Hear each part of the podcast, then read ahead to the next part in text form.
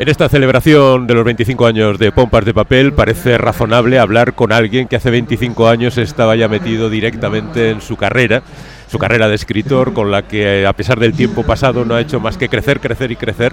Y tenemos con nosotros a Bernardo Achaga. Hola Bernardo, ¿qué tal? ¿Cómo estás? Muy bien, pues estoy muy bien, en grata compañía como sabes, así que estoy encantado. Estábamos diciendo antes, Bernardo, que cuando nació Pompas de Papel, tú estabas escribiendo Baba Coac. Eh, me costó bastante escribir a Obacuac. Eh. Pero estabas en ello. Siempre digo que no, y estaba, y, estaba en Escocia, estaba acabando. O sea, es decir, que después de un tiempo. Algún día tengo que contar yo esto en las memorias. No me atrevo a hacer las memorias porque dicen que es un género de falsarios, ¿no? Sí. Pero mm, yo durante mucho tiempo, y luego contaré algo relativo a millas, eh, durante mucho tiempo escribiendo Bobacuac tenía lo que llaman febrículas, o sea, fiebre, o sea, siempre tenía dos, tres décimas de fiebre, siempre, durante meses, igual cuatro meses, ¿no? Y me decía el médico, pues esto tiene que ser cansancio y tal. Bueno, y entonces hice un corte y me fui a Escocia, porque allí estaba Sungaricano, que ahora es mi mujer, y ya está de lectora. Y entonces allí, eh, afortunadamente, bueno, yo me voy por las ramas, hubo unas riadas, el piso que me habían dado se inundó, entonces me mandaron a un lugar maravilloso, al lado de la vieja catedral, que se veía el mar, y ahí acabé Obabacoac, viendo el mar del norte. Es decir, que Obabacoac pudo ser diferente si no llega a ver esa riada pues, y tú no estás mirando al mar. Efectivamente, porque el sitio donde me pusieron la primera vez era una, parecían barracones, parecían militares todo, ¿no? Y no era muy grato. En cambio el segundo eh, puedo verlo todavía, era un apartamento, esas catedrales, esas catedrales escocesas que están derruidas y que son al cementerios. Y luego ya en febrero, cuando empieza a hacer pues 3, 4 grados, entonces ya las chicas deciden que es verano y se ponen en bikini encima de las tumbas, ¿no? Que eso es así todavía, ¿no? Y entonces, bueno, ese paisaje, pues bueno, todo lo que es grato nos ayuda. Y eso fue grato y eso me ayudó y lo de Millás, por cierto, antes de que me cuenta. Porque Millás también escribiendo hace unos 10 años o eh, vino a dar una conferencia y estuve hablando con él y me dijo, estoy un poco preocupado porque tengo siempre unas décimas de fiebre y entonces le dije, mira, yo no tengo ni idea de estas cosas, pero si, por si te sirve, yo cuando estaba haciendo escribiendo Boba pues durante X meses estuve, ¿qué? Tres, cuatro meses con una febrícula y no se me quitaba, siempre tenía tres décimas, dos décimas yo creo que a mitad, bueno, pues a lo mejor es normal. ¿no? Y, seguro que era normal porque, como sabéis, Millas sigue en activo más que nunca. Pero no te ocurrió antes ni te ha vuelto a ocurrir después, solo con Novavacoa. Solo con Novavacoa. Pero había tanta presión, o sea, ¿tú, sentías tanta presión al escribir la presión era que no era capaz de hacer. Ah, que no la acababas.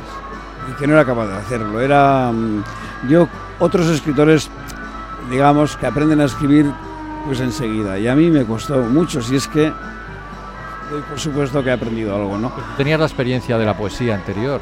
Pero era el tamaño, ah. Enrique. Todo era, era la extensión. Yo llegaba con facilidad a los 50, 60 folios. Llegaba, ¿no? Pero no pasaba de ahí. Y, entonces no llegaba ni a novela, no llegaba... Era una especie de cosa mediana y, y la estructura de Bobacuac me permitió poder hacer el libro aún escribiendo textos de menos de 50 folios, que era un poco lo que me pasaba entonces. Pues eso de terminar eh, en Escocia o estar terminando Oaquac en Escocia no es algo raro en ti, o sea, quiero decir que tú has tenido muchas veces que viajar fuera de Euskadi para terminar tus libros. A ver, explícanos por qué te pasa esas cosas. A ver. Yo siempre me acuerdo que José Manuel Fajardo me decía, ah, tú es que eres un escritor del 19, porque claro, eh, no tienes un libro fechado en el mismo sitio, ¿no? Porque, porque por ejemplo, el hombre solo lo escribí en Le Seven, en Francia, en el sur de Francia, lo de Montpellier, eh, siete casas en Francia, eh, prácticamente en Nevada. Y entonces, en Extremadura también tuviste algún. Eh, bueno, y luego en Extremadura, una época feliz de mi vida, feliz de mi vida. Que Extremadura, qué lugar, bueno, maravilloso. Es que ¿Cuántos lugares hay que deberíamos, en fin, volver? ¿no? Pues sí, estuve en Extremadura, fue la época de las más felices de mi vida, porque diré, teníamos, como decía mi mujer, lo básico que era, teníamos un lugar para trabajar, teníamos unos caminos maravillosos para pasear, Luego todo el pueblo, como no iba nunca por ahí que nadie, nos regalaba verdura, fruta, siempre estábamos de lo más surtidos, eh, además alimentos naturales. Y luego por las noches teníamos un bar en un altillo, el bar del hijo del herrero, que preparaba unos gin tonic. Parece así dicho, todo es tontería, ¿no? Ya, ya. Pero bueno, la vida, no sé, más allá de estas cosas, sí, hay cosas generales, salud. Eh, bueno, pero después, eh, aquel bar era maravilloso, estabas mirando a Gredos.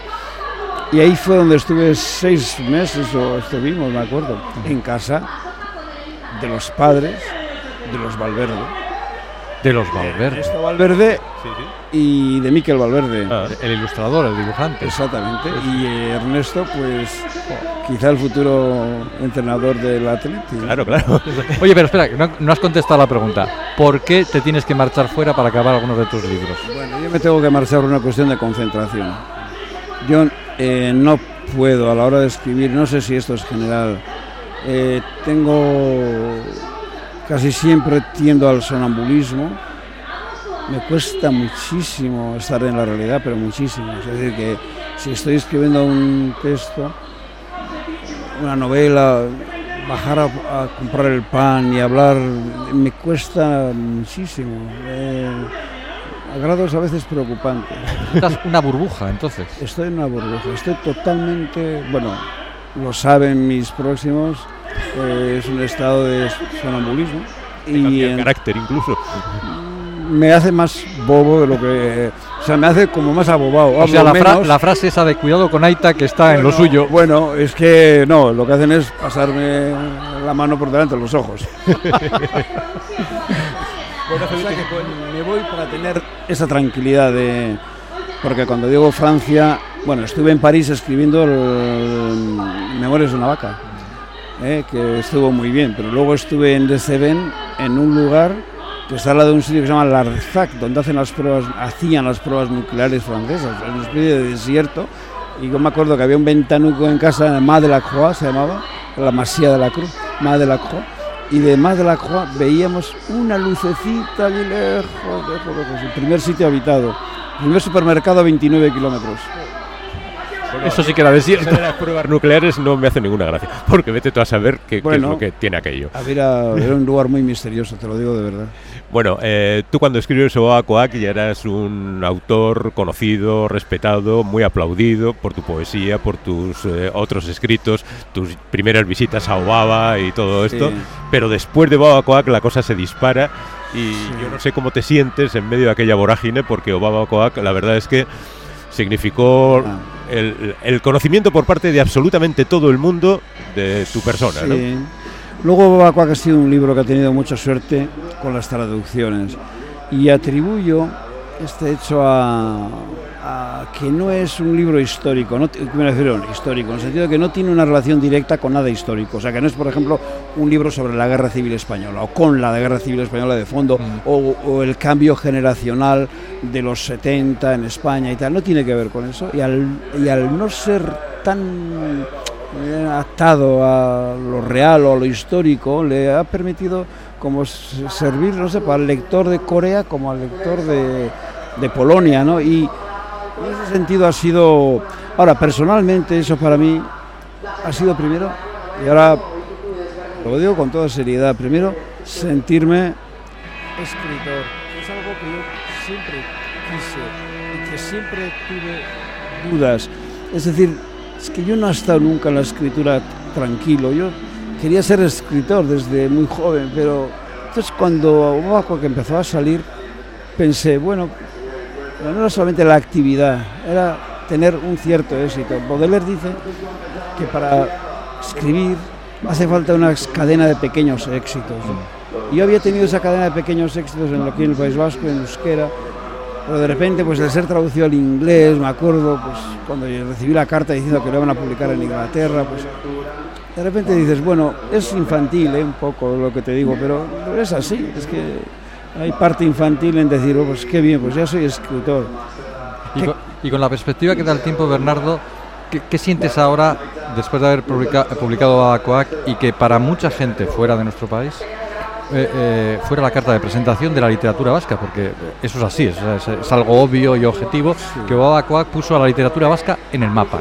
Como el Guggenheim puso a Bilbao en el mapa, pues Oabacoac lo puso en el mapa. Y a partir de entonces yo creo que fue más fácil para mucha gente salir y, evitar desde bueno, yo creo que es ese mérito, que a lo mejor, bueno, ese mérito me lo puedo atribuir en el sentido de... Es que cuando uno no ha publicado nada fuera, cuando una lengua, nada escrito en una lengua es inexistente. Es que no es que sea, uy, qué raro que no escriban los vascos una novela en euskera. No, es que no saben nada, absolutamente nada. La primera reseña que yo tuve en Estados Unidos, en el New York Times, eh, acompañaba a la reseña un plano, una especie de mapa mundi en el que se marcaba el lugar donde estaba el País Vasco. ¿eh? Eso lo tengo yo guardado. Es decir, que eh, la opción era, no era, era la inexistencia, no sabemos que existe. Creo yo que luego a la gente que ha ido traduciendo, que ha ido por ahí, bueno, ahora el mundo es diferente, hay más, más una caja de resonancia mayor, hay hay agentes eh, por el mundo, vascos y no vascos. Bueno, em, igual es lo de Stevenson. Bueno, siempre en un camino ayuda a que haya un rastro anterior, ¿no? Para saber por dónde ir. Y yo creo que eso ha sido. Yo, Obacuac ha llegado a 26 lenguas, incluyendo el coreano, incluyendo el japonés. Bueno, no quiero hacer de esto, no sé cómo, es otra época, no quiero hacer de esto como si esto fuera la pirámide de Egipto, no lo es, es solamente un rastro, pero el rastro... Pero, fue un punto de inflexión. Yo creo que todos los expertos en literatura vasca reconocen que antes de Babacoac, con lo que tú dices ahora, la literatura vasca para algunos no existía y a partir de ahí sí existe. Sí, yo también lo creo. Y luego, eh, claro, luego viene cuando publicas fuera eh, siempre hay un buen motivo para aprender, ¿no? Entonces los espejos son diferentes, la imagen que te devuelve el espejo es diferente, en cada país es diferente, es algo misterioso, ¿no? Es eh, cómo leen los libros por ahí, o sea, cada uno tiene una óptica muchas veces inimaginable, ¿no? Y bueno, eh, ha sido interesante para mí, por ejemplo, que casi todo lo que se escribió de Babacuac insistía en el hecho de que no parecía de la tradición que ellos conocían de la literatura española es otro tipo de... Claro, y era forzoso que lo fuera, porque no puede un escritor vasco en euskera, escribir como, no sé, como un escritor, un novelista sevillano que tiene detrás, no sé cómo decirte, tú empiezas a escribir en Sevilla y sabes que Baz de Soto ha escrito en Sevilla, con lo cual, no sé, bueno, hay otra relación con el pasado. Nosotros prácticamente era un salto en la casi nada, entonces claro, toda la mezcla, todo el sustrato del, libro es diferente. Y, ves esa época y ves esta época y cómo te quedas? Eh, ¿Qué dices? ¿Qué, ha pasado? ¿Qué ha cambiado? ¿Cómo está? No consigo que la musa me responda. quiero decir, yo por una parte he aprendido mucho, he aprendido muchísimo de la literatura, de los alrededores de la literatura, he aprendido hablando, como estoy ahora, hablando aprendes, escuchando aprendes, con otros escritores, otras experiencias. ¿eh? y en ese sentido creo que, he aprendido mucho, pero luego hay algo que es lo inefable, algo inasible, que es, no sé, que seguramente los romanos le van a eso el, genio de cada uno, no digo el genio en el sentido romántico, sino el genio, no sé, algo que llevamos todos dentro y, eso es lo que no se puede calibrar. Es mejor ahora que hace años. Antes he leído un poema hace 35 años y lo he comparado con uno actual y he dicho, ya ven ustedes que mi humor ha mejorado, o sea, porque el poema de ahora, el poema de ahora es mucho más humorístico que el de hace, tiene más humor. Ahora, Hombre, hace 35 años estabas con la trascendencia de la edad. Sí. Eh, aquella necesidad de imponerte al mundo, incluso a tu propia obra. Claro, y las lecturas, Félix, las lecturas que eran yo eh, cuando fui a hacer el servicio militar a Madrid y pues salíamos, y entonces íbamos a... Había un par de tiendas que suelen estar abiertas los domingos, ibas vestido de soldado, era horroroso todo, ¿no? Pero siempre me acuerdo que fui a una librería y cogí así un libro al azar de poesía y Georg Trakl, ¿no? Poesía realmente no sé cómo llamar, patética, eh, mm, trascendente. Profunda. y claro, esos libros son los que nos marcaban los que nos hablaban también, porque claro, la oscuridad respecto a uno mismo era tremenda. Bueno, bueno, eh, en fin, esto de conocerte a ti mismo, esto ha sido para mí una labor de muchos años y yo creo que efectivamente la, aquella trascendencia luego la vas, la vas diluyendo, la vas escondiendo, la vas escuchas frases como por ejemplo, pero usted por qué habla siempre tan en serio, no se da cuenta que los únicos que hablan en serio son, decía aquel, espérate, decía los, no me acuerdo ahora cómo se llaman, los linterneros, ¿cómo eran linterneros? Los fontaneros. Ah. dice, los fontaneros cuando te explican por qué se ha roto el tubo, me decía, usted no sabe, esto es en Barcelona, un profesor me decía, que Kierkegaard hablaba siempre en broma. no lo sé, yo quiero decirte que aprendes o vas pensando, ¿no? Te dicen, bueno, ten cuidado, no te pongas tan trascendente, tan... Bueno, ha pasado el tiempo, Bernardo, tú de alguna manera has cerrado el ciclo de Baba con el hijo del acordeonista, lo, pues según confesión propia. Sí, sí, lo es. Y, claro, en medio, en esos 20 años entre Coac y el hijo del acordeonista, pues han pasado multitud de cosas, multitud de obras. Durante ese tiempo se ha ido incorporando al cuerpo de la literatura vasca un montón de nombres, de gente, bueno, eh, generalmente más jóvenes que tú, con perdón, no es que quiera yo decir eso, pero bueno, ahí está, y, y la verdad es que ha crecido de manera exponencial y yo creo que es como para sentirnos orgullosos, ¿no? Tú por el camino que has abierto y, por toda esa gente que ha venido después. Yo creo que, pensando en la época anterior a la mía propia, Gabriel Aresti y demás, ellos, todo el mundo, es que es una ley casi de, aritmética simple, o sea, es, eh, nosotros dependemos de la lengua. Eh, la lengua es algo social, luego si no hay un cuerpo social, Aresti podía el hombre intentarlo y sí conseguir 100 lectores, pero realmente era... Bueno, ¿qué pasa ahora? Bueno, que existe, no solamente existe esa lengua, ese cuerpo social, sino que además es dinámico, es joven, eh, la edad media, y los escritores realmente eh, que han ido surgiendo, a mí me parece que muchos de ellos lo son, o es decir, son verdaderos escritores, son gente que tiene una voz y yo en el último Erlea, por hacer un poco de propaganda a la revista, eh, bueno, he ido publicando a todos los, digamos, en fin, a toda la gente que me parecía que, valía y todos los nombres que ahora son conocidos. En el último número he, publicado tres como textos un poco autobiográficos de Eider Rodríguez, Irati eh, Lorrieta y Ushua Paolaza, tres chicas jóvenes que deben estar por los 30 años. Bueno, yo creo que las tres mm, son, como dice, lo es, sí, son escritores, son escritoras. Yo veo que,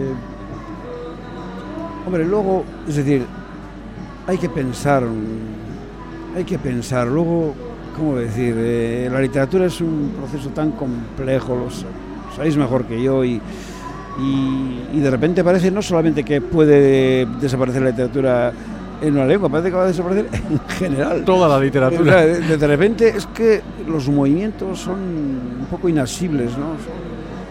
Y bueno, bueno, lo que se puede decir es que al menos la primera parte, el hecho de que haya gente, por ejemplo, que escriba en euskera y escriba bien y tenga algo que decir, pues eso existe. Eh, ah, pues bien, está bien.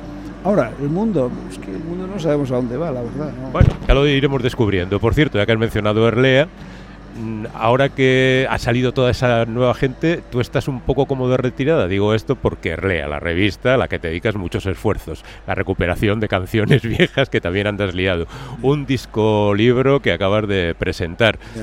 Oye, la gente quiere de Bernardo Achaga un nuevo libro en condiciones. yo estoy trabajando mucho, no puedo prometer otra cosa que, bueno, si puedo hacer un poco de algo, una esta cosa sería publicidad confesional o confesión publicitaria.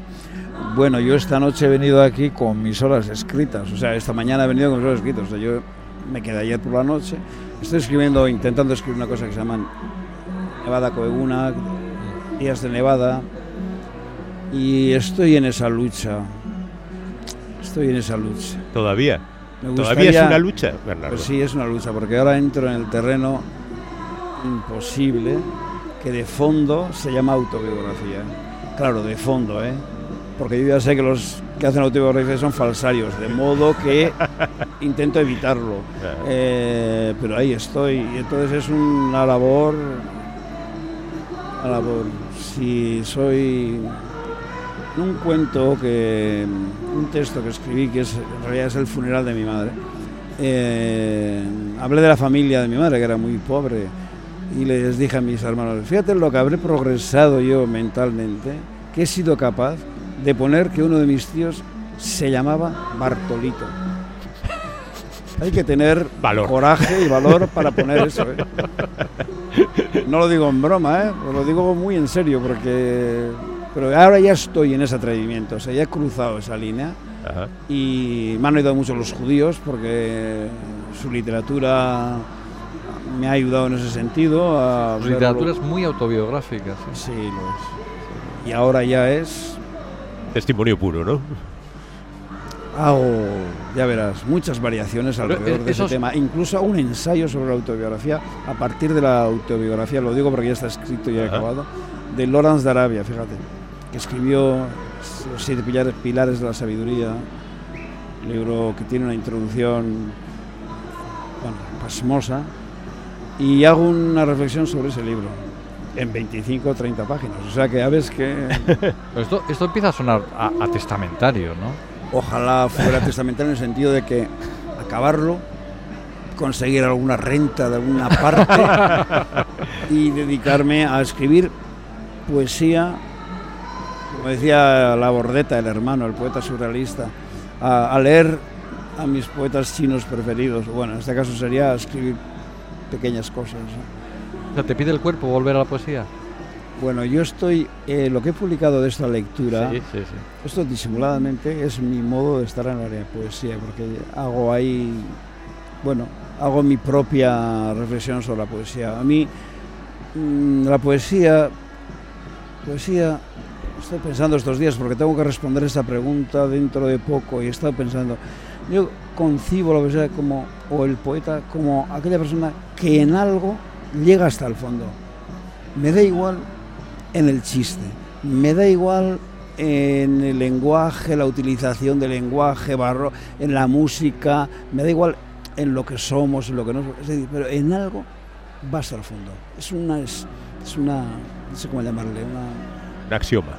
Sí, a partir del cual eh, me animo a escribir poesía. Bueno, ¿qué, Dentro de 25 años te estaremos preguntando cómo era Obabacoa que escribiste hace 50. Eso, eso sería maravilloso y eso me acabaremos recordando a Okusai, que cuánto me gustó y cuántas veces se lo leí, por ponerme pesado, a Saramago, fíjate. Una cita de Okusai que me pasó un pintor guipuzcoano, Arzuaga, que dice, es una, una especie de, de, declaración de Okusai, dice, y ya lo hago rápido, dice, hasta los 60 años dibujé, pero no sabía lo que era el dibujo. Dice, a los 80 empecé a percibir un poco cuál era ese arte. A los 100 empecé a entender la naturaleza. Y ahora dice, creo que a los 130, 140 lograré hacer buenos dibujos. Bueno, pues, en eso estamos. en eso estamos. En eso estamos. Un auténtico placer, como bueno, siempre. igualmente para mí. Muchas gracias por este rato, ¿vale? No, yo siempre, aquí los amigos son la casa. Eh, estoy encantado. Hasta otra. Hasta luego, Agur.